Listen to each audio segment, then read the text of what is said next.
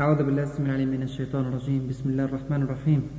إن الحمد لله نحمده ونستعينه ونستغفره ونستهديه ونعوذ بالله من شرور أنفسنا ومن سيئات أعمالنا. إنه من يهده الله فلا مضل له ومن يضلل فلا هادي له. وأشهد أن لا إله إلا الله وحده لا شريك له وأشهد أن محمدا عبده ورسوله. اللهم إنا نسألك بكل اسم هو لك سميت به نفسك أو علمته أحدا من خلقك أو أنزلته في كتابك أو استأثرت به في علم الغيب عندك أن تجعل القرآن ربيع قلوبنا ونور صدورنا وجلاء حزننا وذهاب همنا. آمين آمين. وصل اللهم وبارك على سيدنا محمد وعلى آله وصحبه وسلم. والحمد لله رب العالمين. ثم أما بعد. حديثنا اليوم عن أمر هام جدا جدا في حياة المسلمين. وفي حياة المؤمنين. الواقع هذا الأمر يستصعبه كثير من الناس. لكن هو يسير على من يسره الله عز وجل عليه. اليوم المحاضرة عن كيف نحفظ القرآن الكريم. مهمة كبيرة جدا. كيف نحفظ القرآن الكريم. قراءة القرآن الكريم فقط لها أجر عظيم جدا عند الله عز وجل. فما بالك بالحفظ؟ روى الترمذي عن ابن مسعود رضي الله عنه وأرضاه. أن النبي صلى الله عليه وسلم قال من قرأ حرفا من كتاب الله تعالى فله حسنة والحسنة بعشر أمثالها. لا أقول ألف لام ميم حرف ولكن ألف حرف ولام حرف وميم حرف. فالأجر ضخم جدا وعظيم. يروي الإمام مسلم رحمه الله عن أبي أمامة الباهلي أن النبي صلى الله عليه وسلم قال اقرأوا القرآن. فإنه يأتي يوم القيامة شفيعا لأصحابه. تخيل يا إخواني أن يوم القيامة يأتي القرآن يشفع لك. تأتي سورة البقرة تأتي سورة آل عمران. بل إن في سورة البقرة وسورة آل عمران حديث خاص. قال رسول الله صلى الله عليه وسلم اقرأوا الزهراوين البقرة وسورة آل عمران. فإنهما تأتيان يوم القيامة كأنهما غمامتان أو كأنهما فرقان من طير صواف. يعني جماعات أو جماعتان من طير صواف تحاجان عن أصحابهما تدافع عن صاحبها. حفظ القرآن الكريم معجزة بكل المقاييس. حاجة في منتهى الغرابة أن تجد أن كثيرا من الناس يحفظون هذا الكتاب المعجز. أنا أعتبر هذه من معجزات القرآن الكريم. تجد أطفال يحفظون القرآن وهم دون العاشرة وأحيانا دون السابعة. تجد أميين لا يعرفون القراءة والكتابة. سبحان الله يحفظ القرآن كاملا. تجد رجل أعمى يحفظ القرآن وهذا كثير ونراه جميعا. بل تجد من لا يعرف العربية أصلا ويحفظ القرآن. والله يا إخوة شفت إخوة من باكستان من بنغلاديش من ماليزيا من غيرها من البلاد الغير ناطقة بالعربية أصلا. ويقرأ القرآن حافظا له وكأنه من أهل العرب. بل متقنا له أكثر من كثير من العرب. بعد ما بيقرأ قرآن بروح أتكلم معاه جملة أو جملتين بالعربي تلاقيه ما يعرفش عربي ما يعرفش يتكلم عربي. لكن حافظ القرآن سبحان الله كما أنزل. هذا أمر معجز وكتاب عجيب من رب العالمين سبحانه وتعالى. لا يوجد أي كتاب آخر سماوي أو غير سماوي يحفظه الناس على هذه الصورة. لذلك يقول الله عز وجل في كتابه الكريم بل هو آيات بينات في صدور الذين أوتوا العلم وما يجحد بآياتنا إلا الظالمون. حفظ القرآن يا إخواني قبل ما نتكلم في قواعد حفظ القرآن نحب ناخد فكرة عن المسؤولية الضخمة التي ستقع على عاتق من يحفظ هذا الكتاب الكريم. أولا في مسؤولية ضخمة جدا أسميها مسؤولية العمل. الإنسان اللي بيحفظ آيات القرآن الكريم ثم لا يعمل بها أو ثم لا تنطبق عليه هذه الآيات هو إنسان يقيم الحجة على نفسه. شوف تصوير عبد الله بن مسعود رضي الله عنه وأرضاه لحامل القرآن. يقول إيه؟ يقول كلام جميل جدا. يقول ينبغي لحامل القرآن. خلي بالك من كلمة حامل القرآن. كأنها تبعة ضخمة كبيرة شاقة يحملها الإنسان. ينبغي لحامل القرآن. أن يعرف بليله إذا الناس ينامون يعني قيام الليل وبنهاره إذا الناس يفطرون يعني يصوم النهار وبحزنه إذا الناس يفرحون وببكائه إذا الناس يضحكون. مش معنى كده أن الإنسان اللي بيحفظ القرآن إنسان كئيب أو مهتم دائما؟ لكن كما قال رسول الله صلى الله عليه وسلم لو تعلمون ما أعلم لضحكتم قليلا ولبكيتم كثيرا. الإنسان المطلع على كتاب الله عز وجل الحافظ له يعلم ما سيكون من أحداث بعد ذلك في الكون. يعلم يوم القيامة يعلم الجنة يعلم النار يعلم الحساب يعلم الصراط يعلم أشياء تجعله دائما يفكر في هذا اليوم. شوف كلام عبد الله بن مسعود نكمل معاه كده وصفه لحامل القرآن. يقول وبصمته إذا الناس يخوضون.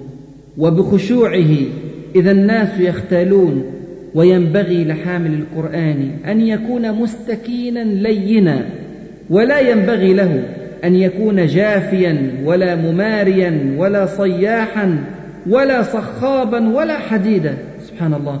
يعني لما نفهم كلام عبد الله بن مسعود نعرف أن حفظ القرآن تربية تربية للفرد ومن ثم تربية للأمة. يعني حاجة عظيمة جدا. يبقى مسؤولية العمل إنك تحفظ القرآن الكريم لازم ترتب نفسك ولازم تربي نفسك على إنك تعمل بما تحفظ من هذا الكتاب العظيم. في مسؤولية ضخمة أخرى مسؤولية الصلاة. روى الإمام مسلم عن أبي مسعود الأنصاري رضي الله عنه قال قال رسول الله صلى الله عليه وسلم يؤم القوم أقرأهم لكتاب الله. فإن كانوا في القراءة سواء فأعلمهم بالسنة فإن كانوا في السنة سواء فأقدمهم هجرة إلى آخر. الحديث.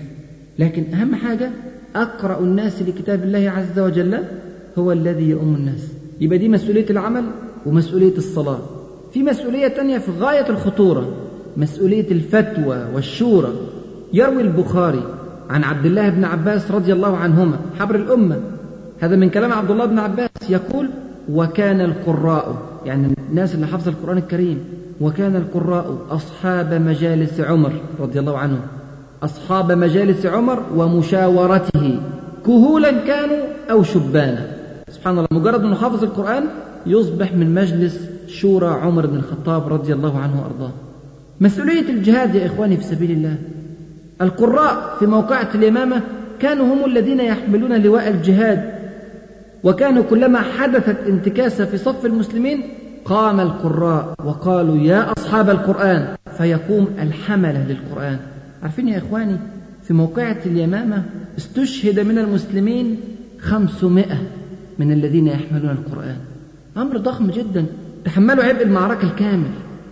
ولما انتهى أصحاب القرآن أو معظم أصحاب القرآن كان المجاهدون يقومون فيقولون يا أصحاب البقرة. الناس اللي حافظين سورة البقرة تقوم. هكذا هو ده حامل القرآن. لهذا فإن حامل القرآن له مكانة عظيمة جدا في الإسلام. شوف الحديث اللطيف. يروي الإمام مسلم رحمه الله أن نافع ابن عبد الحارث رحمه الله لقي عمر بن الخطاب بعسفان. نافع ابن عبد الحارث هو عامل عمر بن الخطاب رضي الله عنه وأرضاه على منطقة مكة. فقابل سيدنا عمر فيسأله ويقول من استعملت على أهل الوادي؟ يعني من وليت على أهل الوادي؟ فقال ابن أبزي ابن أبزي. قال ومن ابن أبزي؟ استغرب الاسم محدش يعرفه. قال مولى من موالينا. سبحان الله. مولى قال فاستخلفت عليهم مولى قال خلي بالك من كلام سيدنا عمر بن الخطاب رضي الله عنه. قال إنه قارئ لكتاب الله عز وجل وإنه عالم بالفرائض. قال عمر يعني بيعلم نافع. قال عمر أما إن نبيكم صلى الله عليه وسلم قد قال إن الله يرفع بهذا الكتاب أقواما ويضع به آخرين. سبحان الله. شوف الحديث اللطيف ده عن البخاري أيضا. البخاري يروي عن جابر بن عبد الله رضي الله عنهما يقول أن النبي صلى الله عليه وسلم كان يجمع بين الرجلين من قتلى أحد ثم يقول خلي بالنا قتلى أحد كانوا كثر. فرسول الله صلى الله عليه وسلم كان بيدفن في القبر اثنين وثلاثة. طب يقدم مين؟ يدخل مين في القبر الأول؟ يقول رسول الله صلى الله عليه وسلم أيهما أكثر أخذا للقرآن؟ يعني مين حافظ قرآن أكثر؟ أيهما أكثر أخذا للقرآن؟ فإن أشير إلى أحدهما قدمه في اللحد. شوف قد إيه قيمة اللي حافظ القرآن الكريم عند رسول الله صلى الله عليه وسلم ومن ثم عند الله عز وجل. يروي أبو داود عن أبي موسى الأشعري وقال النووي هذا حديث حسن. يقول قال رسول الله صلى الله عليه وسلم إن من إجلال الله تعالى وهيبتدي الرسول صلى الله عليه وسلم يذكر ثلاثة أمور هي من إجلال الله تعالى. يقول أول حاجة إكرام ذي الشيبة المسلم الرجل الكبير. ثانيا وحامل القرآن غير الغالي فيه والجافي عنه. ثلاثة وإكرام ذي السلطان المقسط يعني الحاكم العادل ثلاثة دولت لابد أن أنت تكرمهم وإكرامهم من إجلال الله تعالى. طيب نيجي بقى نتكلم في حفظ القرآن الكريم. كيف نحفظ القرآن الكريم؟ قواعد لحفظ القرآن الكريم. الحقيقة أنا خايف إن بعضكم يكون فاهم إن أنا هعمل له كده زي وصفة سحرية أو أديله كبسولة بحيث إن هو ياخدها يطلع من المحاضرة حافظ القرآن الكريم. أقول له لا طبعا مش معقول كده. ده عملية شاقة عملية كبيرة. عملية متعبة. روى البخاري عن أبي موسى رضي الله عنه قال قال النبي صلى الله عليه وسلم تعاهدوا القرآن. يعني اقروا كتير. تعاهدوا القرآن فوالذي نفسي بيده لهو أشد تفصيا من الإبل في عقلها. تفصيا يعني تفلتا. في رواية أحمد قال لهو أشد تفلتا من قلوب الرجال من الإبل من عقله. إذا قضية حفظ القرآن الكريم هي قضية شاقة وصعبة ولكن هي يسيرة على من يسرها الله عز وجل عليه. نتعاون كده سويا في وضع بعض القواعد التي تساعد على حفظ هذا الكتاب العظيم. أنا قسمت هذه القواعد إلى مجموعتين رئيسيتين. في مجموعة من القواعد أنا أعتبرها قواعد أساسية وفي مجموعة تانية أعتبرها قواعد مساعدة. قواعد الأساسية دولت عشرة. والقواعد المساعدة عشرة فتلك عشرون كاملة. القواعد الأساسية يا إخواني في الله من أهم القواعد لحفظ كتاب الله عز وجل. أنا عارف إن كتير من الحضور هيكون دماغهم في العشرة المساعدة وليس في العشرة الأساسية. لكن خلي بالك العشرة الأساسية دولت لو عديتهم أو لو ما قدرتش تركز في متابعتهم مش ممكن هتحفظ القرآن الكريم. واحتمال تحفظه ويبقى وبال. عليك أن حفظته. سبحان الله. نشوف كده القواعد الأساسية هي إيه؟ أول قاعدة الإخلاص. الإخلاص لله عز وجل. إنما الأعمال بالنيات وإنما لكل امرئ ما نوى.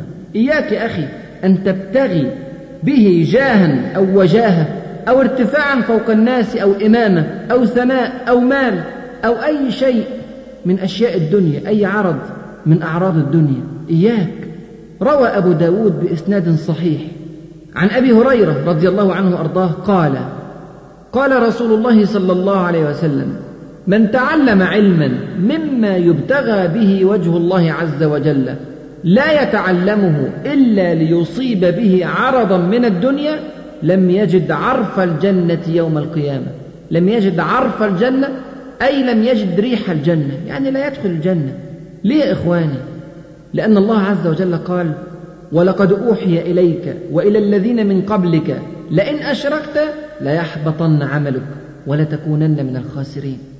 في حديث خطير في صحيح مسلم يرويه أيضا أبو هريرة رضي الله عنه وأرضاه قال سمعت رسول الله صلى الله عليه وسلم يقول إن أول الناس يقضى يوم القيامة عليه رجل استشهد فأتي به فعرفه نعمه أي عرفه الله عز وجل نعمه فعرفها قال فما عملت فيها؟ قال قاتلت فيك حتى استشهدت. قال كذبت ولكنك قاتلت لأن يقال جريء. فقد قيل ثم أمر به فسحب على وجهه حتى ألقي في النار. ورجل تعلم العلم وعلمه. وقرأ القرآن. وهو ده الكلام اللي بنتكلم عليه دلوقتي في نقطة الإخلاص. موضوع القرآن. ورجل تعلم العلم وعلمه وقرأ القرآن فأتي به فعرفه نعمه فعرفها. قال فما عملت فيها؟ قال تعلمت العلم وعلمته وقرأت فيك القرآن. قال كذبت. ولكنك تعلمت العلم ليقال عالم وقرأت القرآن ليقال هو قارئ. فقد قيل. ثم أمر به فسحب على وجهه حتى ألقي في النار. ورجل الرجل الثالث ورجل وسع الله عليه وأعطاه من أصناف المال كله فأتي به فعرفه نعمه فعرفها. قال فما عملت فيها؟ قال ما تركت من سبيل تحب أن ينفق فيها إلا أنفقت فيها لك. قال كذبت ولكنك فعلت ليقال هو جواد. فقد قيل ثم أمر به فسحب على وجهه ثم ألقي في النار. نقطة خطيرة جدا في منتهى الخطورة. نقطة الإخلاص. تعمل عمل عظيم كبير جليل وأنت لا تخلص لله عز وجل كامل الإخلاص فيحبط العمل ويلقى في وجهك ونعوذ بالله من ذلك. يا أخي أنصحك بالله نصيحة عظيمة جدا أكثر من النوايا. وأنت بتحفظ قرآن خلي عندك أكثر من نية صالحة. وإن شاء الله بتعدد النوايا سيتعدد الأجر الصالح وتتعدد الحسنات. خد عندك مثلا احفظ القرآن علشان تقدر تقرأ قرآن كتير. في أوقات مش هتعرف تمسك فيها مصحف. زي مثلا وانت ماشي في الطريق وانت بتقود سيارة. هذه الأوقات قد تضيع عليك. انت عمال تقرأ القرآن من اللي انت حافظه. عمال تزود من الحسنات والحرف بعشرة وتخيل. وانت رايح من بيتك كده نازل على الشغل خلصت سورة هود خلصت سورة يونس خلصت سورة الكهف غيرها من الصور. تخيل الحسنات يا أخي. أجر عظيم جدا. خد عندك نية تانية قيام الليل. كل ما تكون حافظ قرآن أكتر كل ما تقدر تقوم الليل أكثر. بدل ما كل يوم تقعد تقرأ قصار الصور في قيام الليل فيصيبك بعض الملل. لا أنت حافظ قرآن كتير. اليوم ستقرأ في سورة كذا غدا في سورة أخرى. تتجول في آيات الله الواسعة. في نية أخرى نية عظيمة جدا. أن تلبس والديك تاجا يوم القيامة. تدي حسنات للوالد والوالدة. الأب والأم. روى أبو داود عن معاذ بن أنس رضي الله عنه قال من قرأ القرآن وعمل بما فيه ألبس الله والديه تاجا يوم القيامة ضوءه أحسن من ضوء الشمس في بيوت الدنيا. فما ظنكم بالذي عمل بهذا؟ يعني الحديث وإن كان ضعيف الإسناد إلا أنه لا شك أن ثواب الآباء الذين يحفظون أبنائهم القرآن سيكون كبيرا جدا. دي فرصة يا إخواني أذكر الآباء باستغلال سن الأطفال الصغير. الأطفال الذاكرة بتاعتهم أقوى بكثير من ذاكرة الكبار. وقديما قالوا التعليم في الصغر كالنقش على الحجر. في نية تانية الوقاية من عذاب الله عز وجل يوم القيامة. روى الدارمي بسند صحيح عن أبي أمامة الباهلي رضي الله عنه قال يعني ده كلام أبي أمامة الباهلي رضي الله عنه. قال اقرأوا القرآن. ثم قال فإن الله لا يعذب قلبا وعى القرآن. في نية تانية عظيمة جدا أن تعلم القرآن لغيرك. شوف الأجر قد إيه؟ البخاري رحمه الله يروي عن عثمان بن عفان رضي الله عنه يقول قال رسول الله صلى الله عليه وسلم خيركم من تعلم القرآن وعلمه. يعني إحنا دلوقتي بنحاول نتعلم حاجة تجعلنا من خير الناس. خيركم من تعلم القرآن وعلمه. في نية تانية أن تكون قدوة حسنة للمسلمين. إحنا يا إخواننا عايزين الطبيب الملتزم الحافظ للقرآن المهندس الملتزم الحافظ للقرآن الفلاح الملتزم الحافظ للقرآن وهكذا.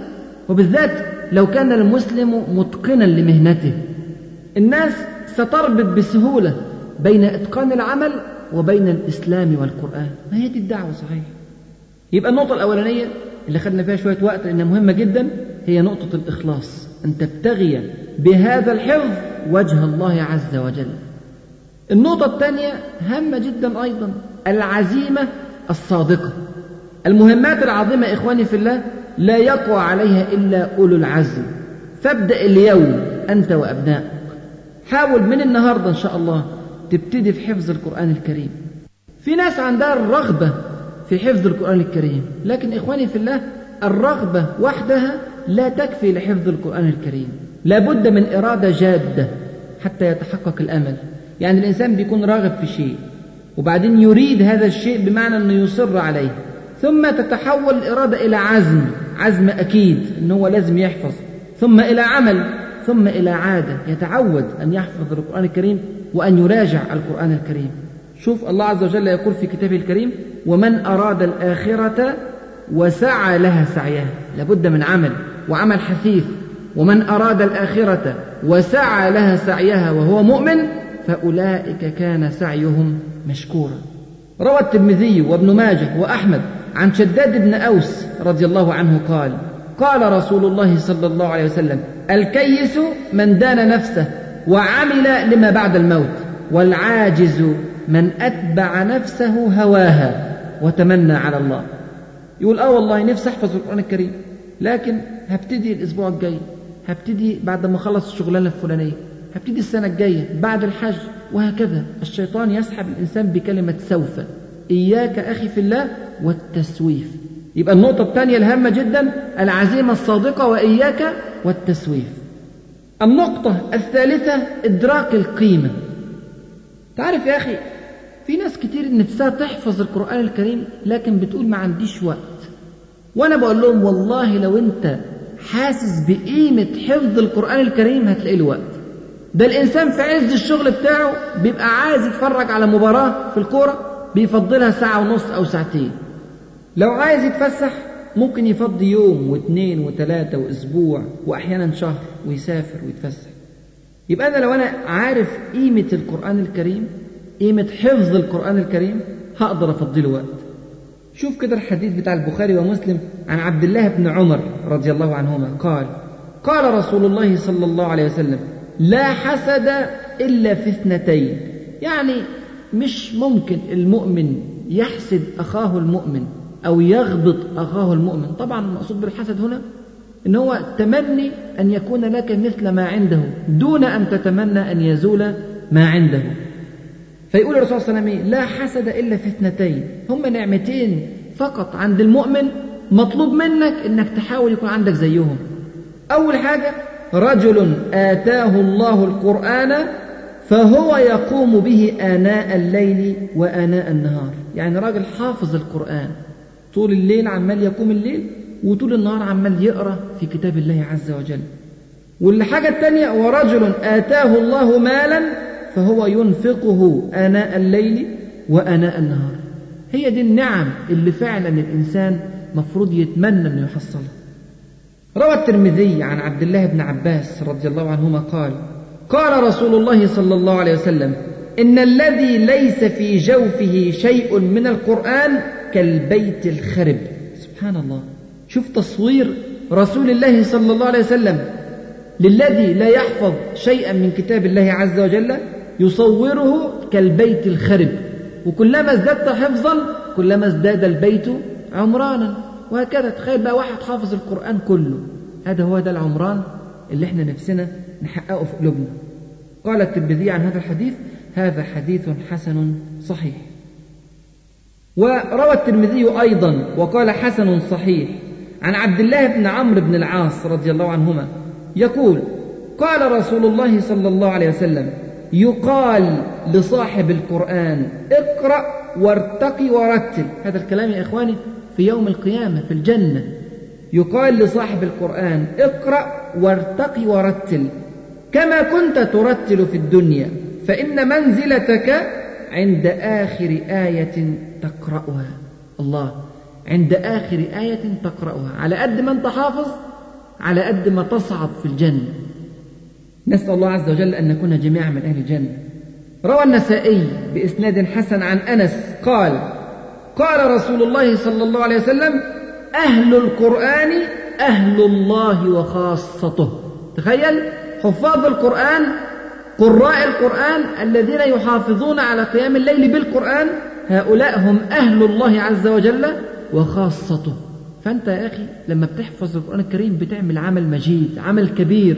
جدا جدا عند الله عز وجل. فنريد جميعا أن نعي هذه القيمة لهذا الكتاب حتى نحفظه جميعا إن شاء الله رب العالمين. النقطة الرابعة ونقطة في منتهى الخطورة أيضا العمل بما تحفظ. إياك يا أخي في الله أن تحفظ الآيات ولا تعمل بها. قد إيه هيكون صعب عليك يوم القيامة إنك تكون حافظ مثلا آيات الربا وتتعامل بالربا. أن تكون حافظ آيات تأمرك بغض البصر ثم لا تغض بصرك. هذا أمر خطير. تكون حافظ آيات عن الإنفاق في سبيل الله تلاقي نفسك شحيحة عن إخراج المال. هذا الإنسان لا يعمل بما يحفظ.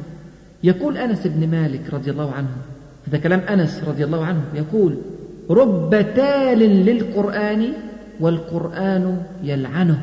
سبحان الله. رب تال للقرآن. واحد يقرأ القرآن يحفظ القرآن. والقرآن يلعنه. ليه؟ بيلعنه. عشان لا يعمل بالقرآن. إخواني في الله القرآن دستور. القرآن قانون. ليس هناك معنى لحمل القرآن بدون عمل. هو مش بس كتاب للبركة لا. هذا كتاب دستور. أنزله الله عز وجل هدى للناس. شوف سيدنا عمر بن الخطاب كان لا يحفظ السورة إلا بعد أن يعمل بها. ثم ينتقل إلى السورة الأخرى ثم إلى السورة الأخرى وهكذا. يقول سفيان بن عيينة رحمه الله أجهل الناس من ترك ما يعلم وأعلم الناس من عمل بما يعلم وأفضل الناس أخشعهم لله. في كلام لطيف جدا لسيدنا علي بن أبي طالب رضي الله عنه يقول يا حملة العلم اعملوا به فإنما العالم من عمل بما علم. ووافق علمه عمله. وسيكون أقوام خلي بالك بيحذرنا سيدنا علي. وسيكون أقوام يحملون العلم لا يجاوز تراقيهم. يخالف عملهم علمهم وتخالف سريرتهم علانيتهم. يجلسون حلقا فيباهي بعضهم بعضا.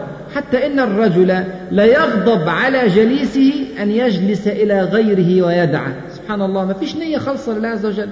يعني يبقى الراجل بيتعلم معاه لما يروح يتعلم من واحد تاني تزعل. لما يتبع مدرسة أخرى تغضب. حتى إن الرجل لا يغضب على جليسه أن يجلس إلى غيره ويدعه. أولئك لا تصعد أعمالهم في مجالسهم تلك إلى الله عز وجل. شوف سيدنا عمار بن ياسر في موقعة اليمامة؟ يقول لأصحاب القرآن يا أصحاب القرآن يعني يخاطب حملة القرآن يخاطب حفاظ القرآن يقول يا أصحاب القرآن زينوا القرآن بالفعال. لابد من العمل لابد من الفعل. مش معقول نكون حافظين آيات الجهاد ونيجي في موقعة اليمامة أو في غيرها ونعود على أعقابنا أو ننقص على أعقابنا؟ فهذا الكلام فهم دقيق من عمار بن ياسر رضي الله عنه لحملة القرآن ولحفظ القرآن ولقيمة القرآن. يبقى النقطة الرابعة العمل بما تحفظ. النقطة الخامسة برضو في غاية الأهمية ترك الذنوب إخواني في الله. ترك الذنوب إن في الجسد مضغة. إذا صلحت صلح الجسد كله. وإذا فسدت فسد الجسد كله. ألا وهي القلب. لو فسد القلب بكثرة الذنوب مش ممكن هتعرف تحفظ القرآن. في بيتين شعر مشهورين جدا عن الشافعي رحمه الله يشكو فيها إلى وكيع. وكيع هذا معلم الشافعي رحمه الله فبيشكو إليه سوء حفظه. الشافعي إخواني في الله كان عنده ذاكرة حديدية. كان إذا نظر إلى الصفحة حفظها مباشرة. سبحان الله. فمرة من المرات مش عارف يحفظ مش قادر يحفظ بنفس قوة الحفظ اللي هو بيحفظ بيها. فذهب يشتكي هذا الأمر إلى وكيع رحمه الله. فقال له وكيع رحمه الله لابد أنك فعلت ذنبا ما. وهو ده اللي مأثر على حفظك. الشافعي رحمه الله قعد يراجع نفسه يا ترى إيه اللي حصل؟ فاكتشف إنه في يوم من الأيام كان يسير في الشارع. فالهواء يعني أطار طرف ثوب امرأة فوقع بصره على يعني جزء من الساق من أسفل الساق. سبحان الله. وهو ده الذنب الكبير جدا اللي خلى الشافعي ما يحفظ. فرجع الشافعي رحمه الله يقول بيتين الشعر دول شكوت إلى وكيع سوء حفظي فأرشدني إلى ترك المعاصي وقال لي إن العلم نور ونور الله لا يهدى لعاصي. سبحان الله. جايز يا إخواني في الله هو ده السبب اللي كتير مننا ما بيقدرش يحفظ القرآن بسببه.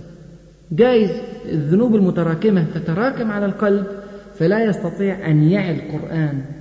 شوف الضحاك بن مزاحم رحمه الله هذا من التابعين من أهل حمص بالشام. كان يقول ما من أحد تعلم القرآن ثم نسيه إلا بذنب أحدثه. لأن الله عز وجل يقول كلام طبعا للضحاك رحمه الله لأن الله عز وجل يقول وما أصابكم من مصيبة فبما كسبت أيديكم. ثم يقول ونسيان القرآن من أعظم المصائب. يبقى القاعدة الخمسة الرئيسية في حفظ القرآن الكريم هي ترك الذنوب أو على الأقل سرعة التوبة من الذنوب لأن كل بني آدم خطاء وخير الخطائين التوابون. لكن التوبة لابد أن تكون سريعة كما يقول الله عز وجل ثم يتوبون من قريب. طيب النقطة السادسة الهامة جدا أيضا كل ده إحنا بنتكلم في النقاط اللي هي الأساسية في حفظ القرآن الكريم. النقطة السادسة الدعاء اللحوح. تدعو الله عز وجل كثيرا كثيرا كثيرا أن يمن عليك بحفظ القرآن الكريم وأن يخلص لك نيتك. تصبح النية كاملة لله عز وجل وأن ييسر لك العمل بهذا الكتاب. خلي بالك يا أخي الله عز وجل يحب العبد اللحوح في الدعاء. ادعي مرة واثنين وثلاثة وهتلاقي الحفظ عليك شاق. مرة واثنين وثلاثة ما تقولش لا ربنا ما استجابش. كرر الدعاء مرة والثانية والثالثة وتخير الأوقات الشريفة حاول تدعو الله عز وجل وأنت ساجد. تدعو الله عز وجل وأنت في السفر. تدعو الله عز وجل أثناء المطر. تدعو الله عز وجل في ختام الصلوات وهكذا. الأوقات التي نصح بها رسول الله صلى الله عليه وسلم ادعو الله عز وجل فيها أن يمن عليك بحفظ القرآن الكريم. وخلي بالك ما فيش دعاء مخصوص لحفظ القرآن الكريم ولا في صلاة مخصوصة لحفظ القرآن الكريم. في ناس بتروي بعض الأحاديث الضعيفة جدا أو الموضوعة عن طريقة صلاة معينة بأربع ركعات وكل ركعة بتقرأ فيها شيء معين علشان تحفظ القرآن الكريم. وهذا لم يرد به أصل من رسول الله صلى الله عليه وسلم. يبقى ندعو الله عز وجل أن يمن علينا بالحفظ. النقطة السابعة هي الفهم الصحيح لكتاب الله عز وجل. يعني كلما كنت فاهما لما تقرأ ازدادت قدرتك على الحفظ. كلما تكون عارف معاني الآيات هتعرف تحفظها أكتر. لما تكون في كلمة مش فاهمها هيبقى صعب عليك تحفظها. استعن بكتاب تفسير مختصر. يعني شوف مثلا مختصر الطبري مختصر ابن كثير كتاب اسمه تفسير السعدي. يعني في كتب كثيرة في المكتبة الإسلامية في تفسير القرآن الكريم. شوف كتاب يعني مختصر بسيط يعرفك بمعاني الكلمات وبأسباب النزول. بالذات يا أخي في صور القصص. لما تكون في قصة في الصورة وأنت فاهم القصة تعرف تحفظها بسهولة.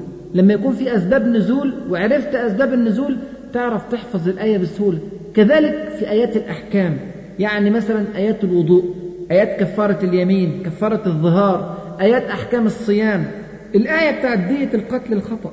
هذه الآيات لما تكون فاهم الحكم الإسلامي في القضية تعرف تحفظ الآية كويس. يبقى نستعين على فهم كتاب الله عز وجل بكتاب مختصر. والله بعد كده عايز تزود بقى فهم آية. روح لكتاب من الكتب الكبيرة في تفسير القرآن الكريم. شوف تفسير ابن كثير شوف تفسير الطبري شوف تفسير القرطبي شوف الظلال. شوف أي كتاب من الكتب الكثيرة جدا من كتب التفسير. في المكتبة الإسلامية. وتنساش يا أخي إن إحنا مش بنحفظ القرآن لمجرد الحفظ.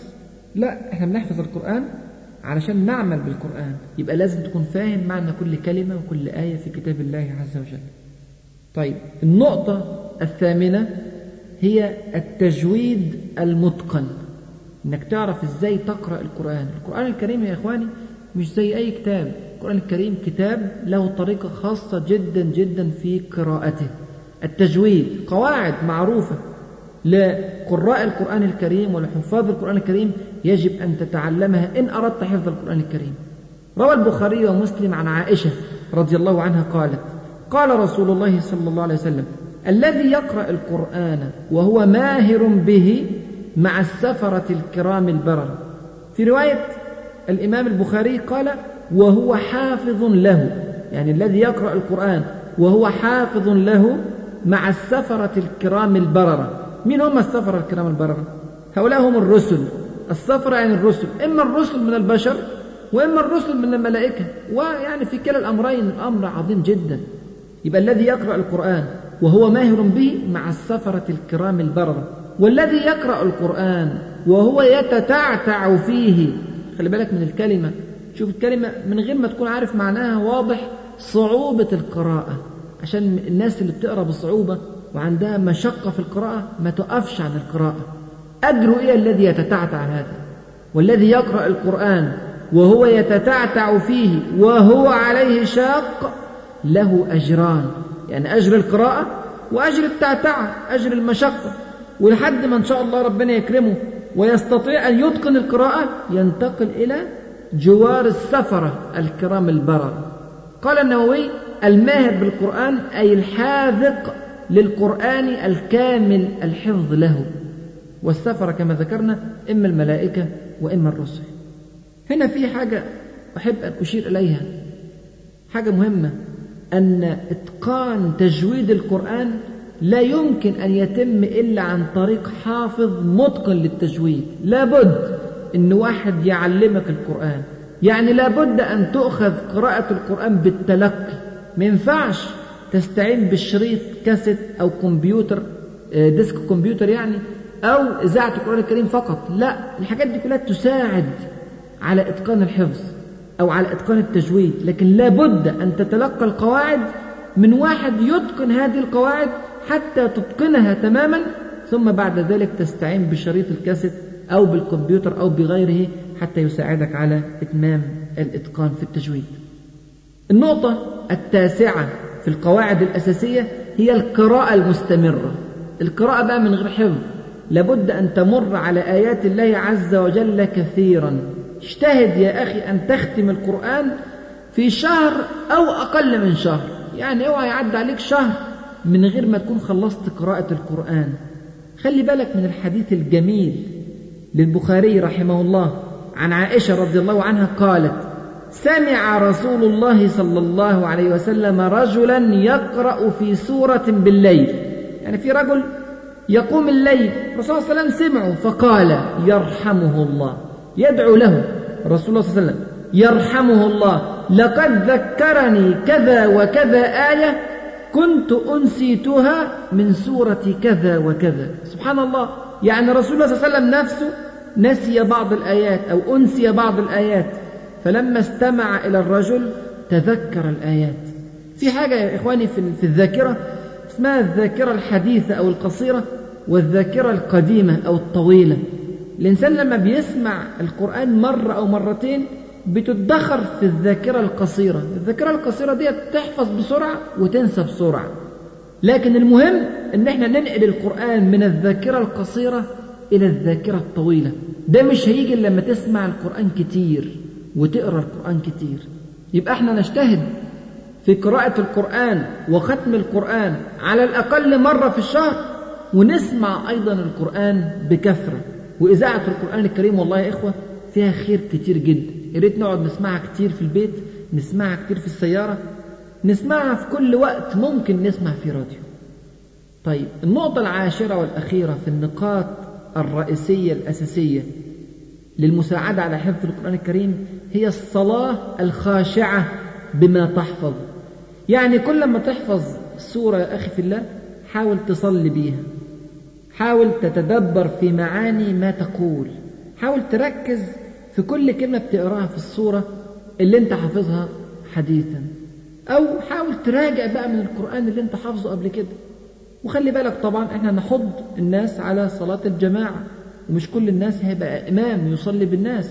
فلا بد لك من صلاة بمفردك تراجع فيها القرآن الكريم. وأفضل صلاة لمراجعة القرآن الكريم هي صلاة قيام الليل. لازم يكون لك ورد. عايز تحفظ القرآن؟ يكون لك ورد من قيام الليل. صلي كل يوم بالليل نص ساعة ساعة قبل الفجر أو بعد العشاء. تراجع فيها اللي انت حفظته أثناء الأسبوع أو أثناء الشهر السابق.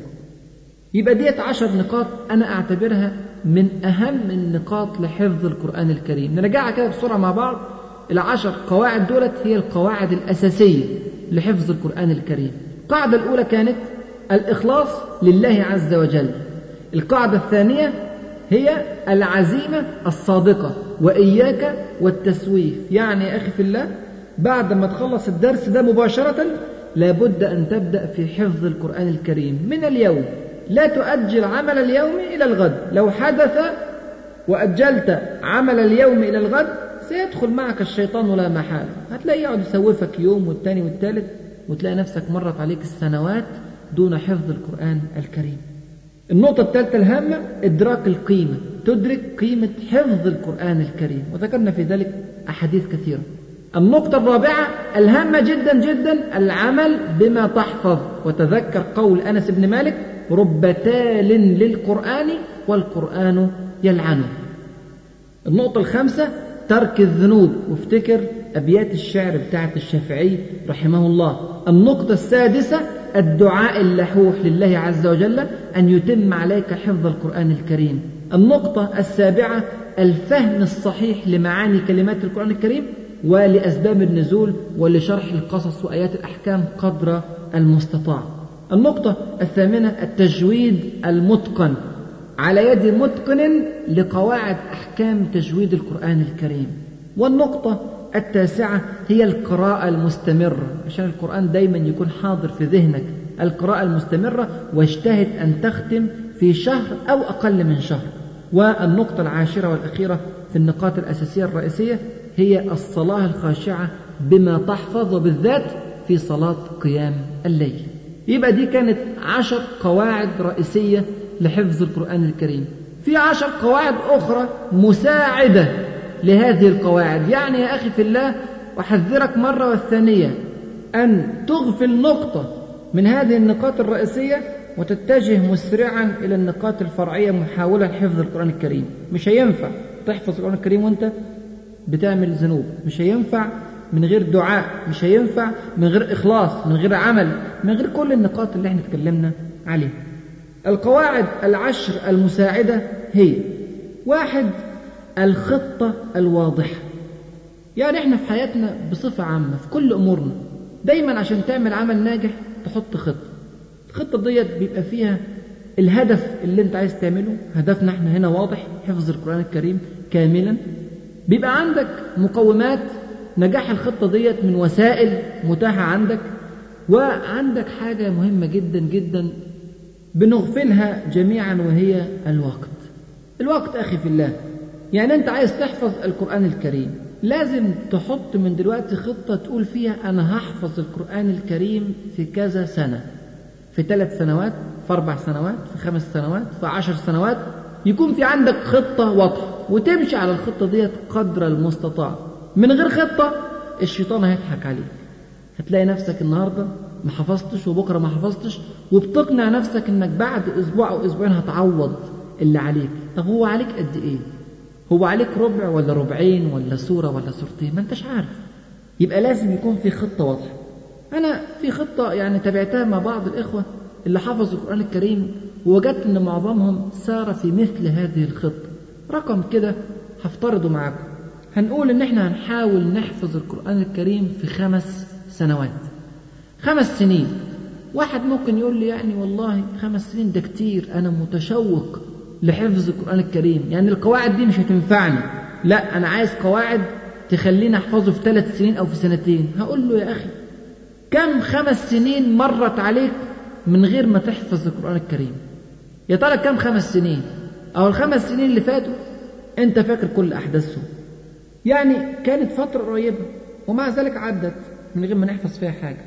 طب إحنا نحط خطة محددة ولو ربنا أكرمك بطاقة أكبر احفظ أكتر.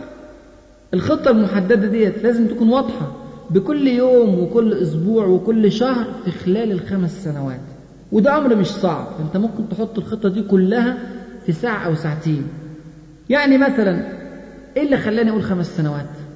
خلي بالك معايا. لو حفظت ربع واحد من الحزب في الأسبوع.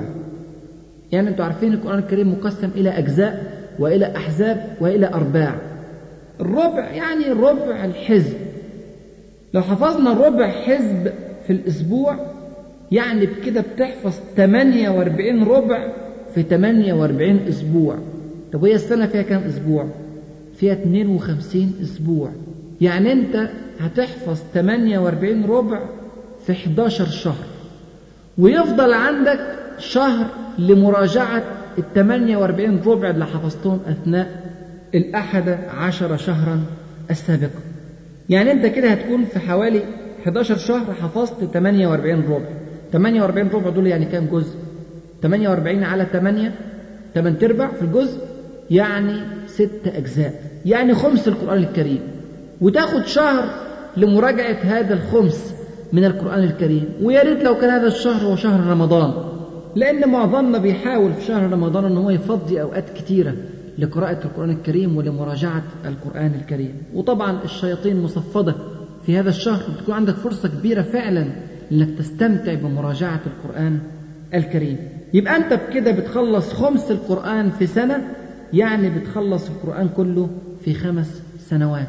والله يا أخي لو بدأت اليوم بجدية وبحزم وبعزم إن شاء الله هنتقابل بعد خمس سنوات وأنت من حملة القرآن الكريم. طيب النقطة الثانية من الأمور المساعدة لابد أن ترتبط بواحد أو مجموعة في عملية الحفظ. يعني يا أخي ما تحفظش لوحدك. الفطور سيتسلل لك حتما إذا حفظت بمفردك. حاول تشترك مع واحد أو اثنين أو ثلاثة أو أربعة. في حفظ صورة من الصور. وهي في الآخر برضو يا أخي مصلحة متبادلة.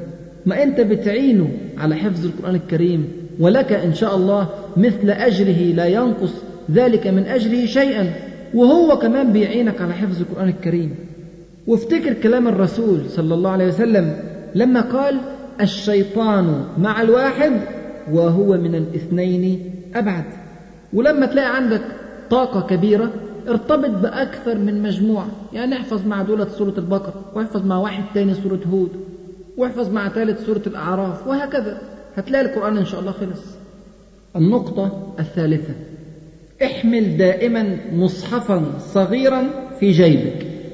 خليك دايما شايل مصحف صغير عشان في في حياتك فراغات بينية كثيرة. يعني إيه فراغات بينية؟ يعني أنت رايح الشغل بتاعك راكب مواصلات طيب المشوار اللي انت راكبه ده كله ممكن يروح عليك. نص ساعة ساعة الا ربع. طلع المصحف بتاعك واقعد احفظ. عندك محاضرة وبعدين محاضرة تانية بعدها بنص ساعة أو بساعة. اقعد احفظ.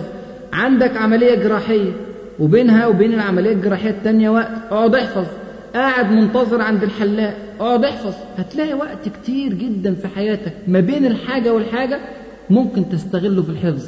لو مش معاك مصحف مش هتعرف تعمل الحكاية دي مش هتلاقي في كل مكان تروحه مصحف تراجع منه.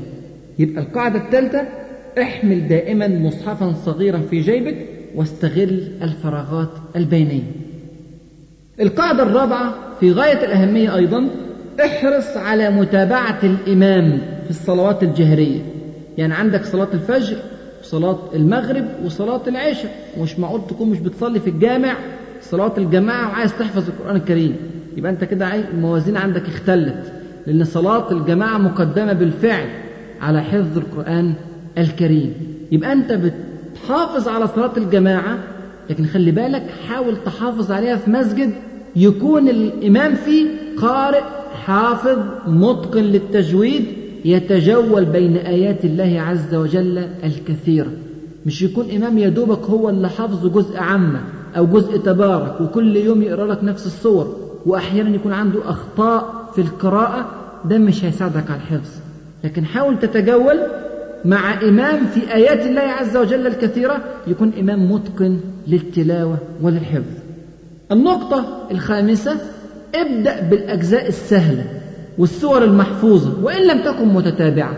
يعني احفظ في الأول جزء الثلاثين وبعدين الجزء التسعة وعشرين وبعدين شوف الصور السهلة. على فكرة سورة البقرة وآل عمران من أسهل الصور في الحفظ. ابدأ بيهم. وابدأ بالصور اللي عليها تحفيز خاص من رسول الله صلى الله عليه وسلم. يعني مثلا سورة الكهف لأننا المفروض نقراها كل يوم جمعة. فلو أنت حافظها هيبقى سهل عليك أنك تقراها. سورة تبارك سورة الملك لأن الإنسان لو قرأها كل يوم بالليل تقيه من عذاب القبر. سورة قاف عشان لو في يوم من الأيام اتزنقت وطلعت تخطب خطبة جمعة وأنت مش محضر؟ اقرأ سورة قاف يا أخي. رسول الله صلى الله عليه وسلم كان أحيانا يقرأ سورة قاف فقط في خطبة الجمعة وهكذا. فحاول تحفظ الصور السهلة. طبعا الصور اللي فيها قصص أيضا سهل سورة يوسف عليه السلام سورة سهلة. سورة الأعراف سورة فيها قصص كثير وهكذا. مش مهم يكون بالترتيب في الأول.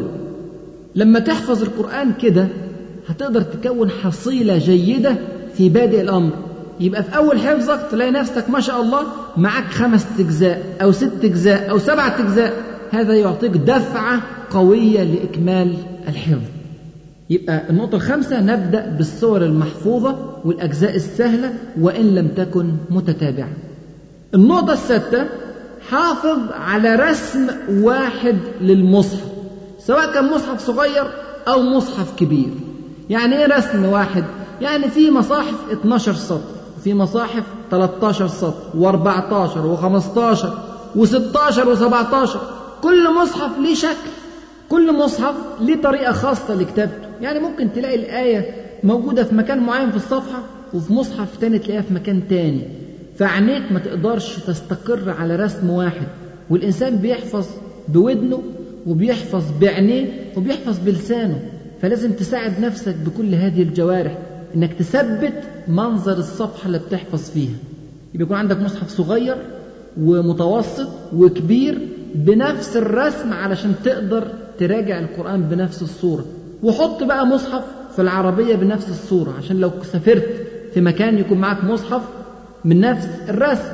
حط مصحف في مكان شغلك سواء كان مكتبك ولا سواء كان مكان شغلك أي مكان سواء كان بيتك سواء كان منزل الوالد لو كنت بتقعد فيه فترات طويلة وهكذا بحيث في كل مكان يبقى عندك فرصة تراجع القرآن الكريم. أنا أنصحكم تراجعوا من مصحف المدينة المنورة. المصحف ده الأسلوب بتاعه أولا واضح جدا في الكتابة طريقة الكتابة واضحة الحروف واضحة مكتوبة بسهولة.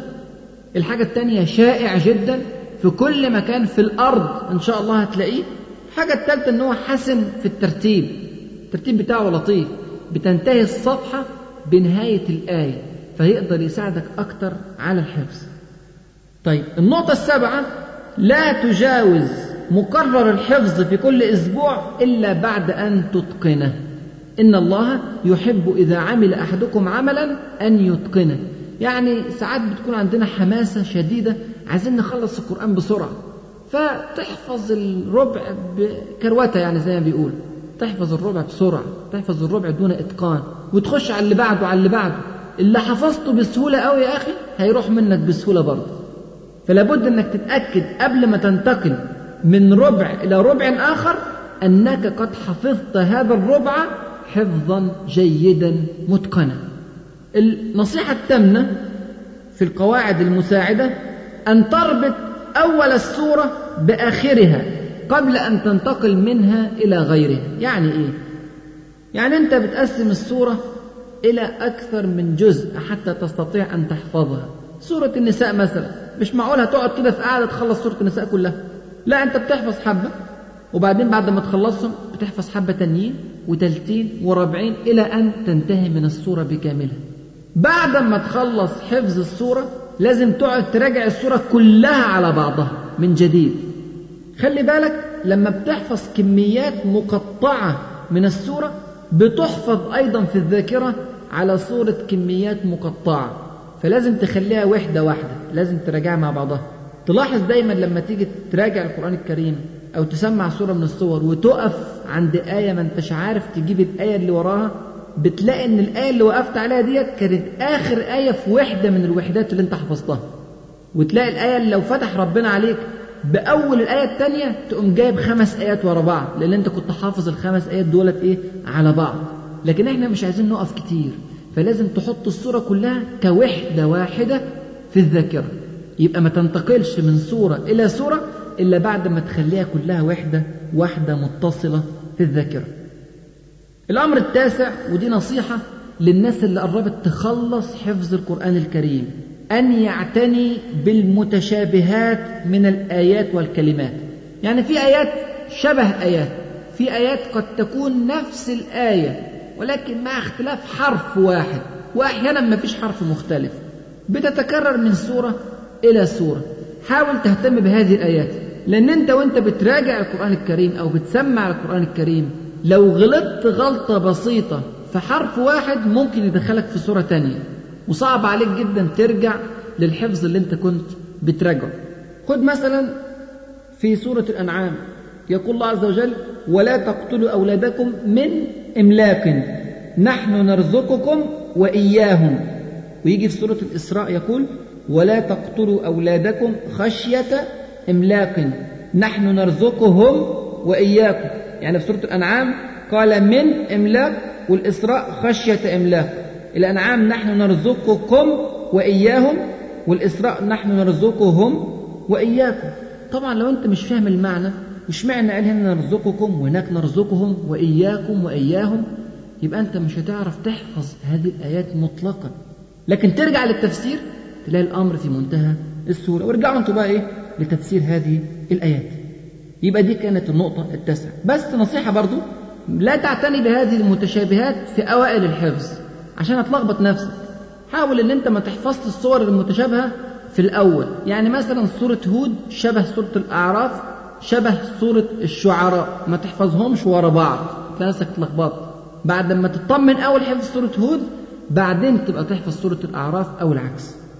طيب النقطة العاشرة والأخيرة هي نصيحة يعني لطيفة. إن شاء الله تكسب من وراها في الدنيا وتكسب إن شاء الله في الآخرة كمان. اشترك في مسابقات حفظ القرآن الكريم. اوعى طبعا تكون عينك على الجايزة بس وإلا ضيعنا كل شيء. افتكر أول نقطة الإخلاص لله عز وجل. لكن المسابقات بتديك دافع وبالذات إن المسابقات بيكون ليها وقت محدد وفيها تنافس وفي ذلك فليتنافس المتنافسون. احرص على الالتزام بالمدة الزمنية المقررة والله لو ما كسبتش في مسابقة فانت كسبت حفظ الصورة أو قربت من حفظ الصورة. يبقى ديت عشر قواعد مساعدة لحفظ القرآن الكريم. اوعى تنسى العشر قواعد الأصلية التي ذكرناها في بداية المحاضرة.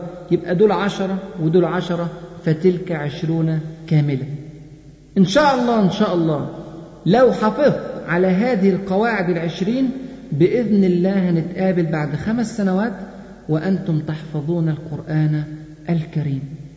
أخي في آخر الدرس لي بعض الأمنيات سريعة أربع أمنيات. أول حاجة الناس اللي كتبت ما شاء الله تراجع اللي كتبته والناس اللي ما كتبتش تراجع التسجيل بتاع الدرس ده هو. وتكتب النقاط العشرين أو القواعد العشرين في ورقة وتعلق الورقة في مكتبك وكل يوم تراجعها وكل يوم تطبق هذه القواعد مجتمع. الأمنية الثانية أن تبدأ في الحفظ بعد سماع الدرس مباشرة. ما تأجلش يا أخي لبكرة ولا لبعده أنت دلوقتي متحمس بعد يومين ما تعرفش هيكون حالك شكله إيه. الحاجة الثالثة أو الأمنية الثالثة أن تنشر هذا الذي تعلمته. وبالذات لو ربنا أكرمك وبدأت تحفظ وعرفت أن القواعد دي ممكن تتطبق. ورب حامل فقه إلى من هو أفقه منه. الحاجة الرابعة والأخيرة إذا وفقكم الله عز وجل للحفظ فلا تنسوني من دعوة بظهر الغيب. إن شاء الله الملك سيدعو ويقول لك ولك مثله. ادعو الله عز وجل أن يغفر لي ولك ولعامة المسلمين وأن يجعل القرآن العظيم حجة لنا لا علينا وأن يجعله شفيعا لنا يوم القيامة وأن يجعلني ويجعلك رفقاء النبي محمد صلى الله عليه وسلم في جنات النعيم في مقعد صدق عند مليك مقتدر. فستذكرون ما أقول لكم وأفوض أمري إلى الله. إن الله بصير بالعباد. وجزاكم الله خيرا كثيرا. والسلام عليكم ورحمة الله وبركاته. مع تحيات النور للإنتاج الإعلامي والتوزيع.